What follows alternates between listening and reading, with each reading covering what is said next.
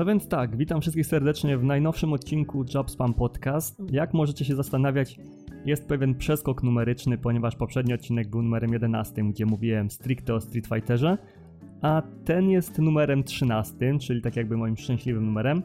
Numer 12 chwilowo jest zaliczany jako Lost Media, ponieważ nagrywaliśmy go z Marcinem, którego dobrze znacie, i niestety były problemy z jego ścieżką i ogólnie z synchronizacją i tak dalej, więc jeżeli uda się odratować tamten odcinek, to dostaniecie prawie dwugodzinny materiał, taki już dodatkowo.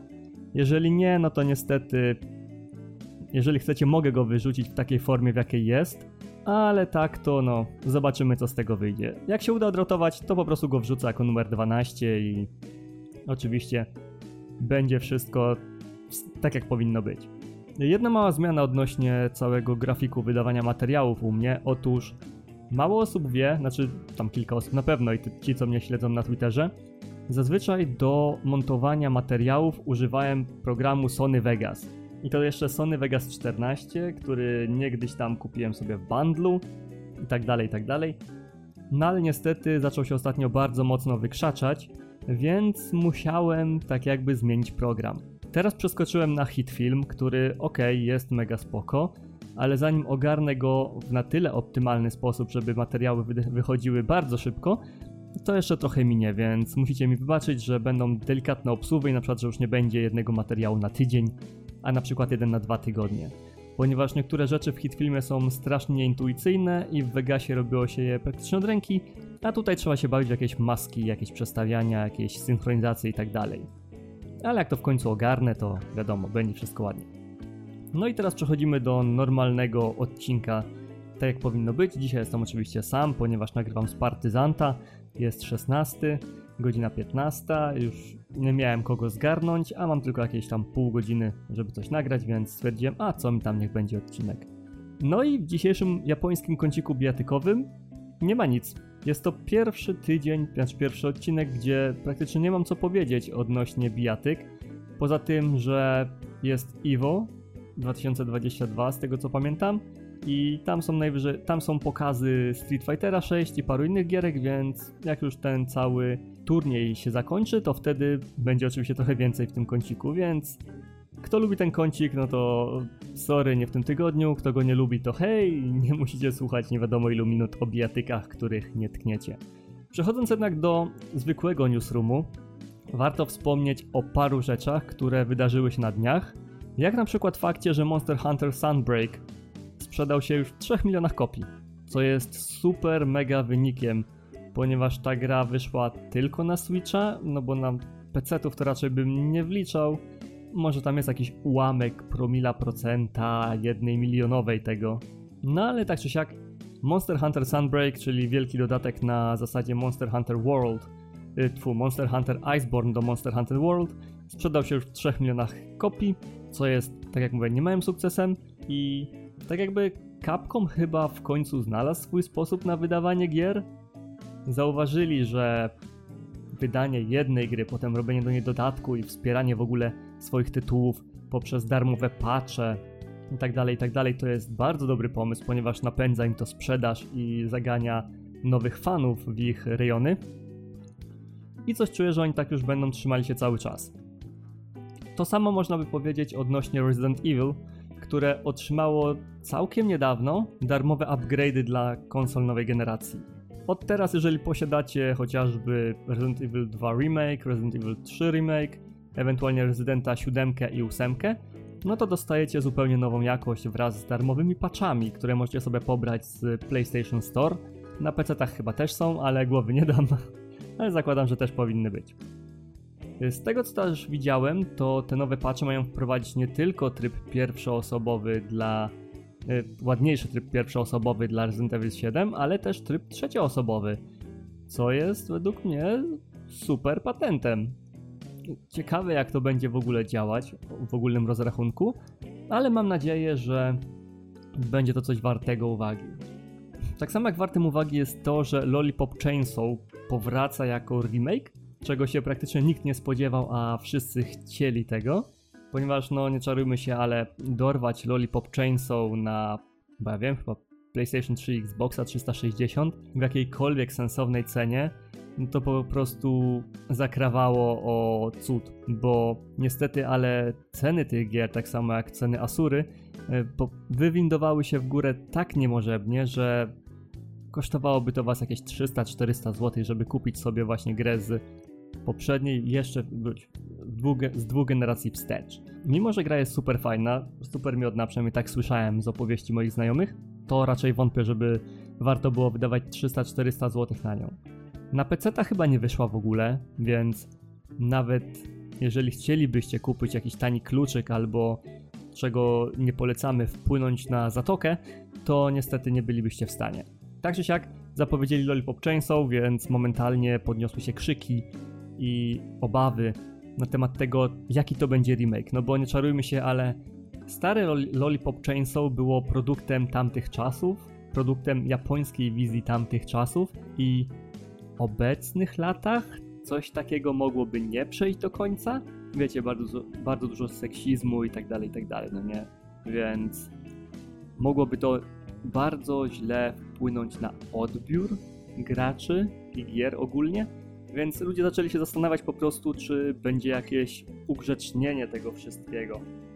Czy przypadkiem nie będzie tak, że będą wycinane całe elementy gry, albo że nagle stroje, wyglądy postaci, w ogóle ich zachowanie będzie jakoś ocenzurowane. No i twórcy Lollipop Chainsaw, znaczy twórcy, ekipa odpowiedzialna za remake tej gry, powiedziała wprost, że nie mają zamiaru wprowadzać za dużych zmian w tym, co było stworzone już te lata temu. Fakt. Mają zamiar zrobić coś na zasadzie, nie wiem, częstszych checkpointów, może dodadzą trochę więcej poziomów trudności, Tutaj dodadzą, wiadomo, jakieś nowe rodzaje oświetlenia, tekstury, trochę pozmieniają te wszystkie modele, nie modele, żeby były po prostu ładniejsze, bardziej szczegółowe. Czyli takie, wiecie, mniejsze zmiany, takie typowo kosmetyczne i umilające oczywiście odbiór całego produktu. Ale jeżeli chodzi o zmiany fabularne albo zmiany w całym tonie gry, to raczej powiedzieli wprost, że nie mają zamiaru czegoś takiego robić. Więc jeżeli martwiliście się albo już chcieliście się rzucać na te wersje po kilkaset złotych, to mam dla Was bardzo dobrą wiadomość, bo nie musicie i właśnie zaoszczędziliście bardzo, ale to bardzo dużo pieniędzy. Idąc dalej typem, znaczy idąc dalej śladem dość ciekawych i zaskakujących newsów, Kojima jest terrorystą. Nie wiem, czy widzieliście w ogóle ten filmik na Twitterze i w ogóle na, prawdopodobnie na social mediach, we wszystkich jakichś zestawieniach newsów giereczkowych się już pojawił i to nie raz, ale jak dobrze pamiętacie, znaczy możecie nie pamiętać, bo możecie nie wiedzieć, Shinzo Abe został zabity podczas jednego wieca, w którym wypowiadał się odnośnie przyszłości Japonii tego, jak to wszystko widzi. Znaczy, został postrzelony, umarł tak naprawdę w szpitalu. I w niektórych relacjach z tego całego zdarzenia było zawarte zdjęcie terrorysty w uszatce. Wiecie, tej takiej rosyjskiej czapce, że to jest terrorysta, że to najprawdopodobniej on to zrobił jakąś bronią samoróbką. No i pech chciał, że ludzie z pewnej stacji, już nie będę jej nawet reklamował, bo nawet nie pamiętam jej nazwy, zrobili bardzo, ale to bardzo mały research odnośnie tego, jakiego zdjęcia używają. I w reportażu odnośnie śmierci Shinzo Abe wkleili zdjęcie Hideo Kojimy, mówiąc, że to jest terrorysta.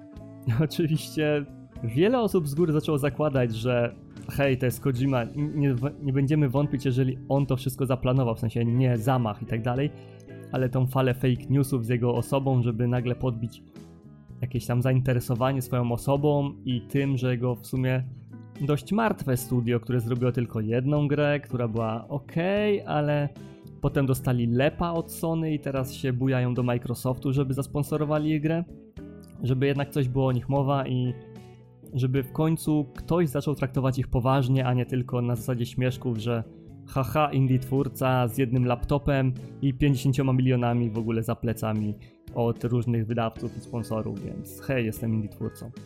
Więc tak, Kojima okazał się terrorystą, technicznie według jednej stacji. Ludzie są rozbici, czy to jest prawda, czy to przypadkiem on nie ukartował. Tak naprawdę tego nie dowiem się nigdy. Znając Kojimę to jest bardzo prawdopodobne, ponieważ on potrafił już tworzyć fejkowe profile lekarzy przed premierą Phantom Pain, więc nie zdziwię się, jeżeli takie dość niskich lotów fake newsowe żerowanie na popularności, znaczy zczarowanie, próba odbudowania popularności byłaby w jego stylu.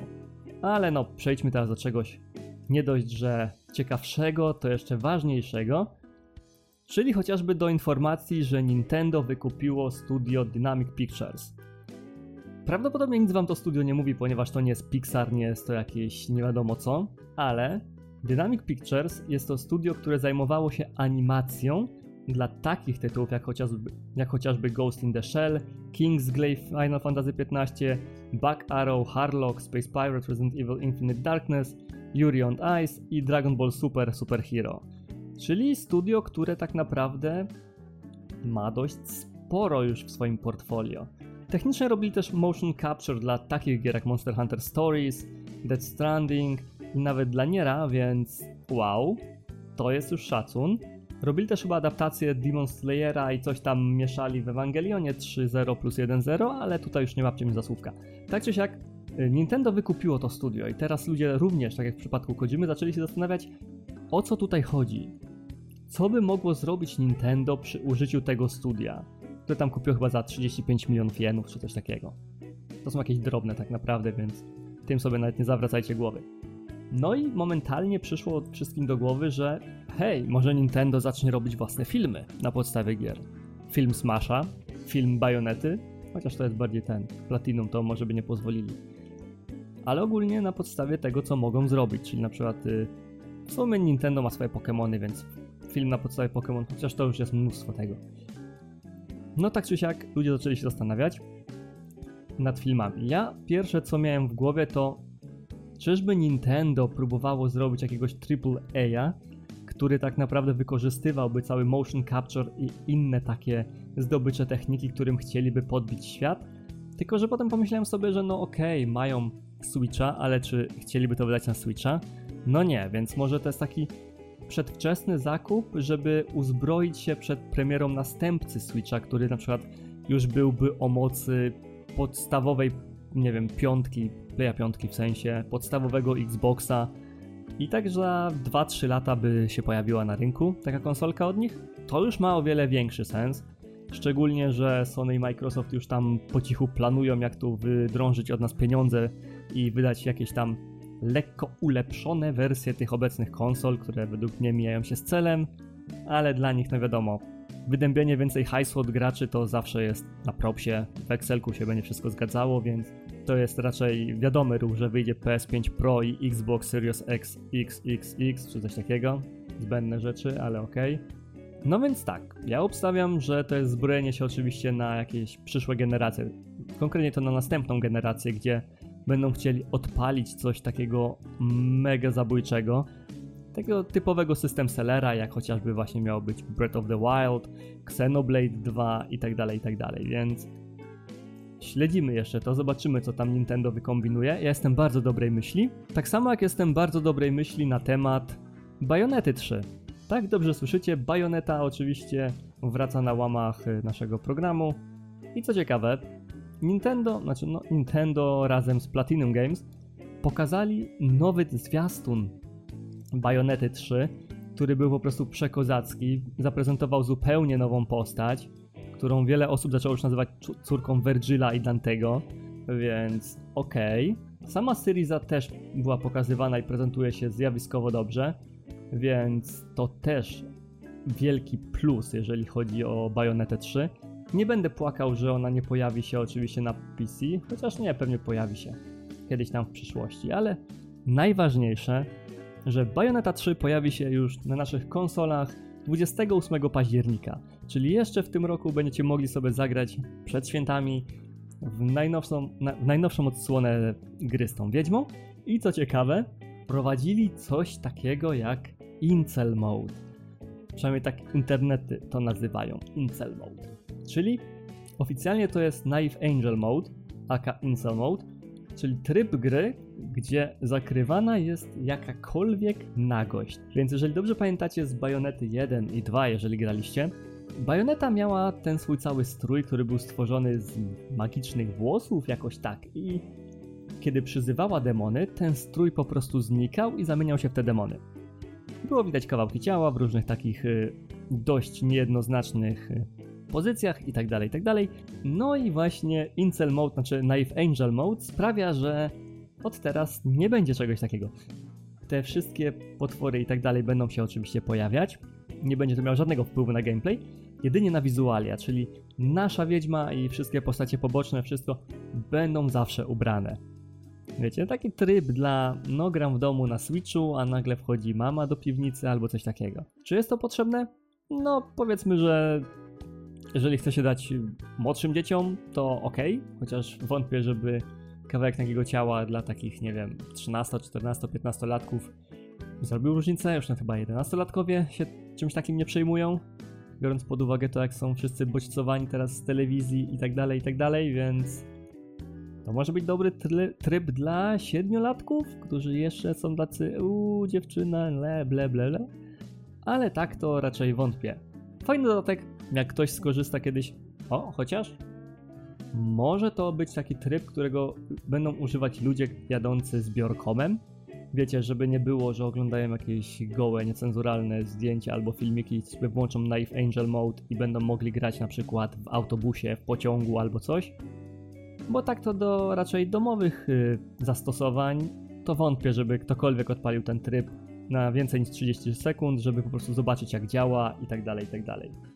I ostatnim newsem, bardzo krótkim, o którym dowiedziałem się właśnie dzisiaj, będzie live action Yu Yu Hakusho, które będzie tworzone dla Netflixa. Netflix idzie za bardzo, dla nich może i dobrą, passą live action na swojej platformie, ponieważ mimo, że wszyscy hejtują to i tak, wszyscy to oglądają, więc tak naprawdę dla nich się liczą wyświetlenia, a nie to, czy się komuś podoba. No bo ludzie nawet jeżeli hejtują, to ktoś inny to obejrzy, żeby zobaczyć, czy ten hejt jest prawdziwy. No i po pasie, jaką było chociażby Resident Evil, jaką był Cowboy Bebop. Teraz tworzymy jeszcze oczywiście e, One Piece'a. Mieli też swojego Bleacha, który był świetny o dziwo. To muszę im oddać, że Netflixowy Bleach był super, o ile to był Netflixowy. Tak czy jak jest na Netflixie do obejrzenia. Teraz właśnie idą za Yu Yu. Niestety nie znam za bardzo tej serii. Wiem, że to jest taki typowy shounen, gdzie jest dużo rozwałki, ktoś tam strzela palcami, wszyscy wyglądają jak delikwenci z tymi włosami z JoJo i tak dalej, i tak dalej. I to jest bardzo stare anime, więc raczej celują w odświeżenie tego, tej marki niż e, żerowanie na fanach. Tak czy siak pod względem zdjęć, które zaprezentowali, Wygląda to nawet całkiem spoko, no ale wiecie, ja nie mam sentymentu. Tak samo jak nie miałem sentymentu do Cowboya Bepopa i dlatego mi się podobał. W miarę takie spoko 3 na 10 jak Firefly, że dało się obejrzeć, ale bez szału. Tak w przypadku Yu Yu Hakusho też raczej wątpię, żeby mi się nie podobało, no chyba, że będzie tragiczne pod względem aktorskim i wykonania, no to wtedy wiadomo, tak? Ale tak to nie mam jakoś większych y, wymagań. Zobaczymy, co z tego wyjdzie i to tak naprawdę tyle, ponieważ nic więcej nie pokazali. Nie wiadomo, ile będzie odcinków, nie wiadomo, kto będzie konkretnie kogo grał, jak to wszystko wygląda i tak dalej, i tak dalej. Ale coś czuję, że od Yu Yu Hakusho do Hunter x Hunter live action to już jest tylko krok, więc zobaczymy, co z tego wyjdzie. Przechodzimy teraz do tematów głównych. Miały być cztery, ale ostatecznie, ale ostatecznie jeden, czyli odpowiedź na komentarz, która który znalazł się pod materiałem Postmortem Road to Evo, który jest dość obszerny, y, postanowiłem przełożyć na inny odcinek, gdzie razem ze mną zasiędzie kilka osób, które dopiero co zaczęły swoją przygodę z bijatykami i wtedy razem odpowiemy na, te, na ten komentarz, więc proszę uzbroić się w cierpliwość, ponieważ wkład początkujących będzie tutaj niezwykle przydatny, ponieważ tak jak mówię, z, z mojej perspektywy wszystko wygląda inaczej i z ich będzie wszystko wyglądało inaczej, no i teraz przechodząc do tak jakby tematów głównych, mam tutaj trzy tematy główne. Jeden jest giereczkowy, jeden jest mangowy, a jeden jest animowy, więc dla każdego coś miłego. Zacznę oczywiście od gierki, ponieważ tutaj będę mógł powiedzieć najmniej. I czy pamiętacie, jak kiedyś recenzowałem tytuł o dwóch dziewczynach, które są sobie zakochane, ale nie mogą tego powiedzieć na głos, ponieważ pracują dla kurii w kościele i są tak jakby egzorcystkami i zabójczyniami na zlecenie. No to teraz w plusie ekstra, czyli tej nowej usłudze, o której też mówiliśmy całkiem właśnie w zeszłym odcinku w Lost Media. Tak jakby jest sequel tej gry, więc jeżeli was to interesuje, to tytuł to jest Knights of Azure. Azure chyba dokładnie tak się mówi. No i właśnie nagram sequel tego tytułu. Technicznie to jest gra bardzo podobna do poprzedniej, ponieważ dalej mamy dość specyficznie ubrane młode kobiety, które pracują dla kurii i oczywiście też muszą zwalczać demony, które powstały z krwi parademona i tak dalej. Technicznie cały myk polega na tym, że kiedyś było wielkie zło, ludzie zabili to zło, krew tego zła oczywiście rozpierzchła się po całej ziemi i każdy, kto był dotknięty tą krwią, zmienia się teraz w wampira, demona, potwora albo cokolwiek. Więc tak jakby taki świat berserka, ale z uczennicami pracującymi dla kurii, które się kochają. Technicznie po pierwszych godzinach gry, żeby nie powiedzieć minutach albo sekundach, tytuł wydaje się nawet całkiem spoko. Graficznie nie jest jakoś rewolucyjny, więc pomimo, że wyszedł na PlayStation 4, a ja ogrywam go na PlayStation 5, to jest to półka tak jeszcze wcześniejszej generacji, czyli PlayStation 3. Dość mocno zalatuje Drakengardem 3, jeżeli chodzi o poziom grafiki oraz technikalia, ponieważ no na Playu 5 ta gra potrafi się żabić, co jest czymś niesamowitym, żeby znaleźć żabiącą się grę na PlayStation 5, która jest odpalana z poprzedniej generacji, to jest po prostu niewykonalne. Zaczęła chcieć zrobić taką grę, żeby ona tak chodziła. Pod względem gameplayu też jej bardzo blisko do Drakengarda, ponieważ jest to action RPG, który używamy różnych umiejętności, nie tylko kontekstowych, ale też pod różnymi klawiszami. Mamy oczywiście osoby, które nas wspomagają do walki i one też mają specjalne umiejętności, które w konkretnych momentach możemy używać. Najprościej to powiedzieć, że to jest action RPG wymieszane z grą Muso, ponieważ przeciwników też jest dość sporo podczas każdej walki, więc nie ma tak, że się nudzimy. No, ale czy jest to gra, na przykład, którą bym kupił na premierę i był z niej zadowolony? Raczej nie sądzę. Jest to solidny przedstawiciel średniej półki po tych pierwszych godzinach. Fabularnie jest, no, dość standardowo, no. Co wam mogę powiedzieć? Dziewczyna spotyka dziewczynę, zakochują się w sobie i albo mają jakiekolwiek uczucia do siebie i tam jest kuria i demony i tak się zabija. To jest takie guilty pleasure, które tak naprawdę przejdziecie, ale nie będziecie chcieli zatrzymać się przy tym na więcej, nie będziecie tego bronić na tym ostatnim pagórku podczas tej wojny wielkich tytułów i tak dalej, i tak. Więc jak na chwilę obecną jest ok. Pełna recenzja pojawi się z czasem, ponieważ no jeszcze nie zrobiłem recenzji Eldena ani Stranger of Paradise, które ogrywałem już dawno temu. Więc jak wiecie dobrze, mi się nie śpieszy z niczym, a potem to już nikogo, ale to już tam, mniejsza z tym. Drugim tytułem, który, z którym miałem oczywiście yy, styczność w tym tygodniu, było chociażby Kaiju Number 8 czyli manga, którą po angielsku chyba przetłumaczył jako Monster Number 8. W skrócie mówiąc, jeżeli widzieliście moje wpisy na socjalach, jestem bardzo wielkim fanem wielkich potworów. Seria Historia Wielkich Potworów już też niebawem się pojawi, więc na spokojnie. I tak jakby trafił w moje ręce film o nazwie What to do with Dead Kaiju, to jest wersja angielska, a po japońsku to jest Kaiju Cleanup, czyli film o tym, jak ludzie radzą sobie po tym całym odpadzie, który wynika z walki z wielkimi potworami. Czy to, nie wiem, coś jakby na przykład, nie wiem, Power Rangersi, Power Rangersi zabili potwora i oni znikają i co się dzieje potem. No i właśnie film opowiada o tym, że są ekipy, które sprzątają to wszystko, muszą za, zajmować się tymi ciałami martwych kaiju i tak dalej, i tak dalej. No i manga Kaiju Number 8 wydawała się bliźniaczo podobna do tego, co oferuje ten film. Czyli technicznie pierwsze minuty już, pierwsze minuty, pierwsze kartki już uderzają we mnie tym, że po prostu miłość do tej mangi na całego, ponieważ to jest manga o starych ludziach, wiecie, takich 30-letnich starych ludziach, którzy znaleźli się w pracy. Oczywiście ta praca to jest właśnie sprzątanie resztek kaiju, po tym jak ich wszystkie marzenia z dzieciństwa zostały zrujnowane, zaprzepaszczone i tak dalej. No i w pewnym momencie, a także, bo jasne, kaiju nie umierają od walki same ze sobą, chociaż pewnie też. Są zabijane przez specjalną organizację do obrony. Coś jak EDF, które walczyło z wielkimi robalami, tak w Kaiju Number 8. Jest to też właśnie Kaiju Squad, czy coś takiego, już nawet nie pamiętam nazwy. I to są ludzie wyspecjalizowani w zabijaniu wielkich potworów i mniejszych potworów, ponieważ tam są dwie klasy monstrów. są główne monstra i monstra odpady. Monstra odpady to są takie no typowe dla nas potworki typu wilko, coś jak wilkołaki, wampiry, jakieś tam, nie wiem, slimy, behemoty i tak dalej, i tak. Czyli takie mniejsze bestie, z którymi łatwiej sobie poradzić. I są to oczywiście kaiju, czyli takie ogromne, które po prostu jak je zabijesz, to za, nie wiem, ich zwłoki zajmują pół osiedla domków jednorodzinnych w luksusowej dzielnicy albo coś takiego. Gdzie jeden ich palec to jest wielkości na przykład tira albo coś takiego. No i w Kaiju Number 8 chodzi właśnie o to, że śledzimy losy bohatera, który zajmuje się sprzątaniem tego całego syfu.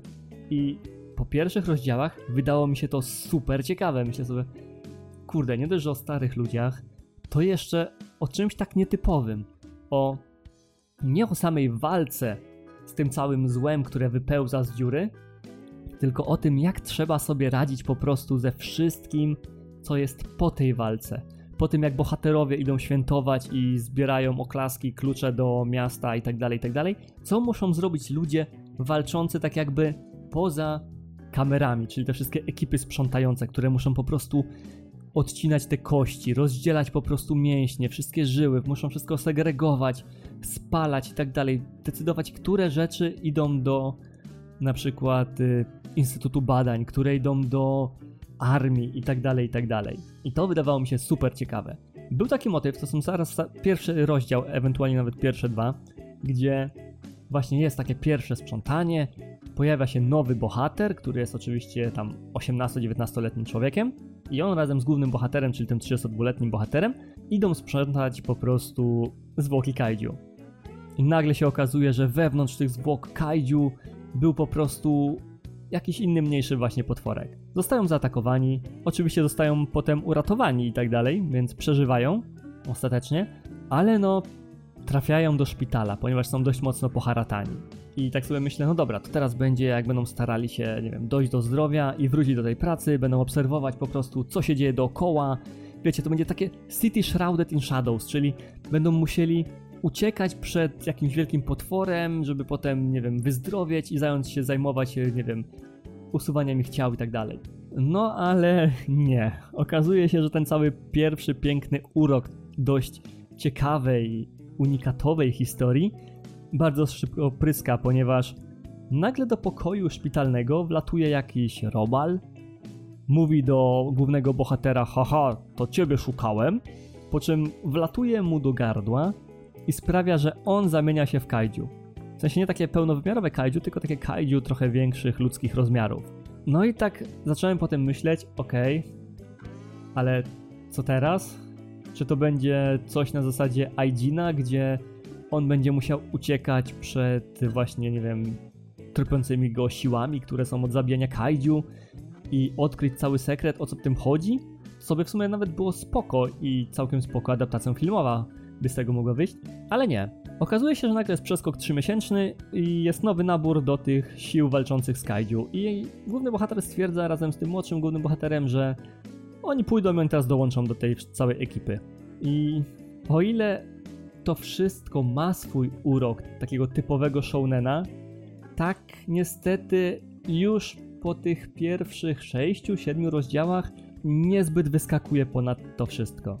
Cała taka unikatowość tego dość szybko mija i większość skupia się już na arku turniejowym, tak jakby, no inaczej. Pamiętacie ten cały ark, gdzie w boku No Hero Academia był ten wielki egzamin?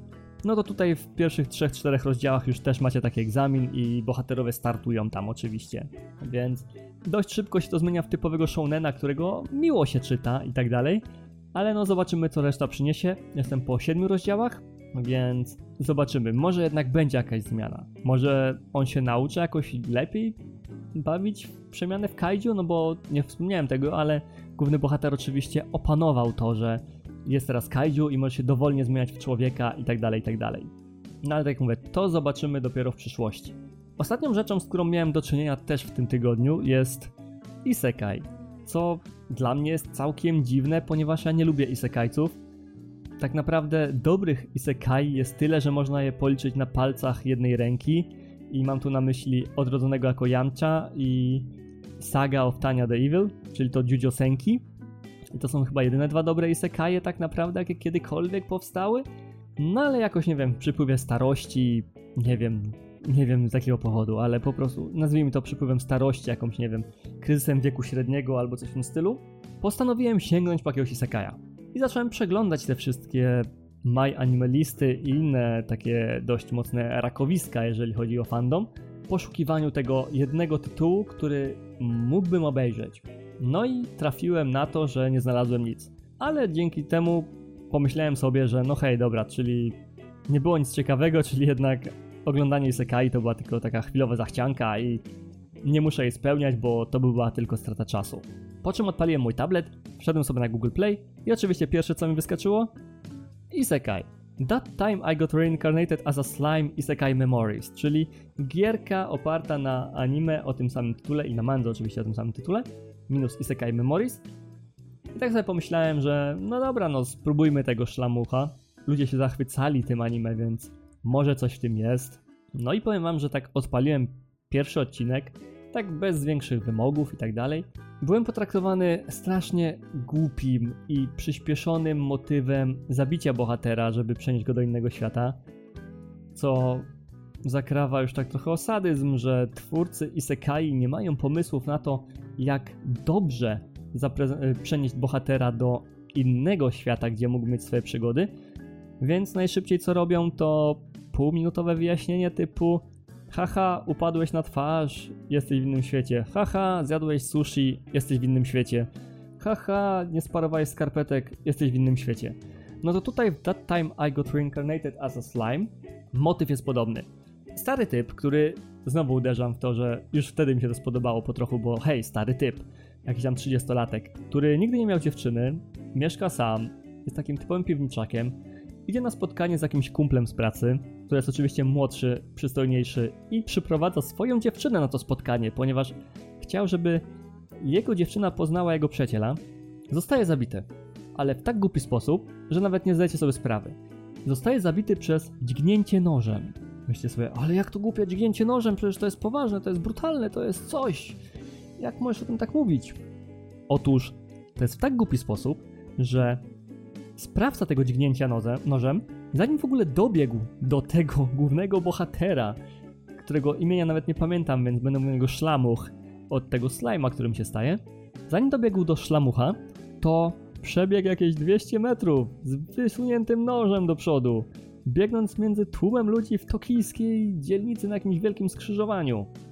Nie nadział się na nikogo, tylko właśnie na niego. Więc to było tak głupie, po prostu mój facepalm walnął facepalm. Ale no, okej, okay, zrozumiałem, to jest isekai, nie wymagajmy od isekajów czegoś więcej. No i tak on sobie umiera i wtedy padł najlepszy tekst, że Spraw, żeby twoja dziewczyna, mówi do tego młodego, spraw, żeby twoja dziewczyna była szczęśliwa i skasuj wszystko z mojego dysku w komputerze w domu. Po prostu jak zacząłem kwiczeć, jak to usłyszałem, że już byłem po prostu, tak, już byłem wtedy kupiony. Potem oczywiście ten główny bohater budzi się w innym świecie, który za Chiny nie jestem w stanie stwierdzić, czy to jest gra komputerowa i przynieśli jego umysł, czy to jest naprawdę jakiś świat fantazy, czy zreinkarnował się ileś tam milionów lat później.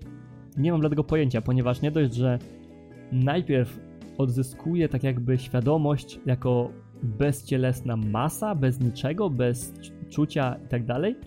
Potem się okazuje, że jest slime'em, ale w, wewnątrz siebie ma Great Sage, który wygląda jak Wikipedia i jak jakiś tutorial z gry, który mówi mu o wszystkim dookoła, typu hmm, twoje ciało slajma może rozkładać rzeczy. No to typ stwierdza, dobra, to zjem sobie kwiatek przez rozkładanie. I nagle jest cała analiza tego kwiatka, co można z niego zrobić, w ogóle krawcą się w jego wnętrznościach wszystkie przedmioty i tak dalej, i tak dalej.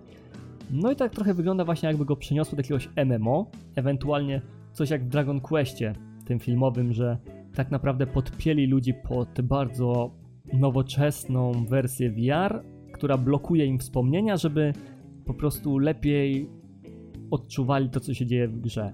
I mam wrażenie, że w That Time I Got Reincarnated as a Slime jest coś na tej zasadzie, że tak naprawdę on nie umarł, tylko po prostu to była jakaś projekcja i on teraz jest w innym świecie. Jego wspomnienia o tym, że to jest tylko gra są takie jakby zamknięte za jakimiś drzwiczkami i on się o tym nigdy nie dowie. aż nie przejdzie gry albo coś w tym stylu. Przynajmniej tak to sensownie można wytłum- by wytłumaczyć. Tak czy siak, nasz bohater oczywiście wyrusza w świat. Po jakimś czasie udaje mu się tam uciec. Niestety jest tutaj typowy, e, typowy problem isekajców, czyli główny bohater jest po prostu przekoksem bez większego powodu. Tutaj jest to niby pokazane, że o, tu sobie zjadał tam kamyczki, jakieś tam trawka, jakieś tam kwiatki, tutaj zabił jakiegoś potwora, zjadł tego potwora, to zdobył jego umiejętności i tak dalej, i tak dalej, ale to tak jakby dalej nie tłumaczy, czemu na przykład w kolejnych etapach tworzy jakieś turbo eliksiry 100% leczenia, gdzie najlepsi alchemicy tworzą tylko na przykład 90% leczenia. No to jest ten problem ogólnie isekai i anime, z którym ciężko sobie poradzić, ponieważ jeżeli nie zrobimy z y, bohatera jakiegoś turbo koksa, no to kto będzie chciał śledzić jego poczynania? I zdradzę wam sekret. Wszyscy. Hunter x Hunter jest właśnie anime, gdzie bohaterowie nie są turbokoksami i po prostu się ogląda z zapartym tchem. Tak czy siak, to anime jest urocze. Pod względem animacji jest ok. Za dużo walki nie ma. Jest głupkowate. Szlamuch spotyka gobliny, które się go boją, bo się okazuje, że on ma jakąś dziwną aurę, nadaje tym goblinom imiona i jak nadasz komuś, komuś imię w tamtym uniwersum, to on ewoluuje i tak w kółko i teraz ma swoją wioskę i ogląda się to miło. Animowane jest ok, jak na typowy tygodnik z japońskiej telewizji, więc zobaczymy co z tego dalej wyjdzie. Chwilowo jestem na ok, nie tak, że już mam zamiar po trzech odcinkach to po prostu porzucić i się tym nigdy nie przejmować, więc zobaczymy co będzie dalej. I tak czy siak, to w sumie byłoby na tyle w tym odcinku. To będzie naprawdę krótki odcinek, ponieważ nagrywany z partyzanta w sezonie ogórkowym i tak nie za bardzo jest o czym mówić. Więc no, zobaczymy się, znaczy zobaczymy, usłyszymy się następnym razem. Może zobaczy, może usłyszycie ten odcinek Lost Media, czyli odcinek 12. A jak nie, no to widzimy się w takim razie w odcinku 14. Standardowo to będzie krótkie pożegnanie, ponieważ mam już wejściówkę i zakończenie nagrane osobno. Zapraszam Was serdecznie na moje socjale, na serwer Discordowy, szerowania, lajkowania, hejtowania i tak dalej, i tak. Trzymajcie się, do następnego razu. Cześć!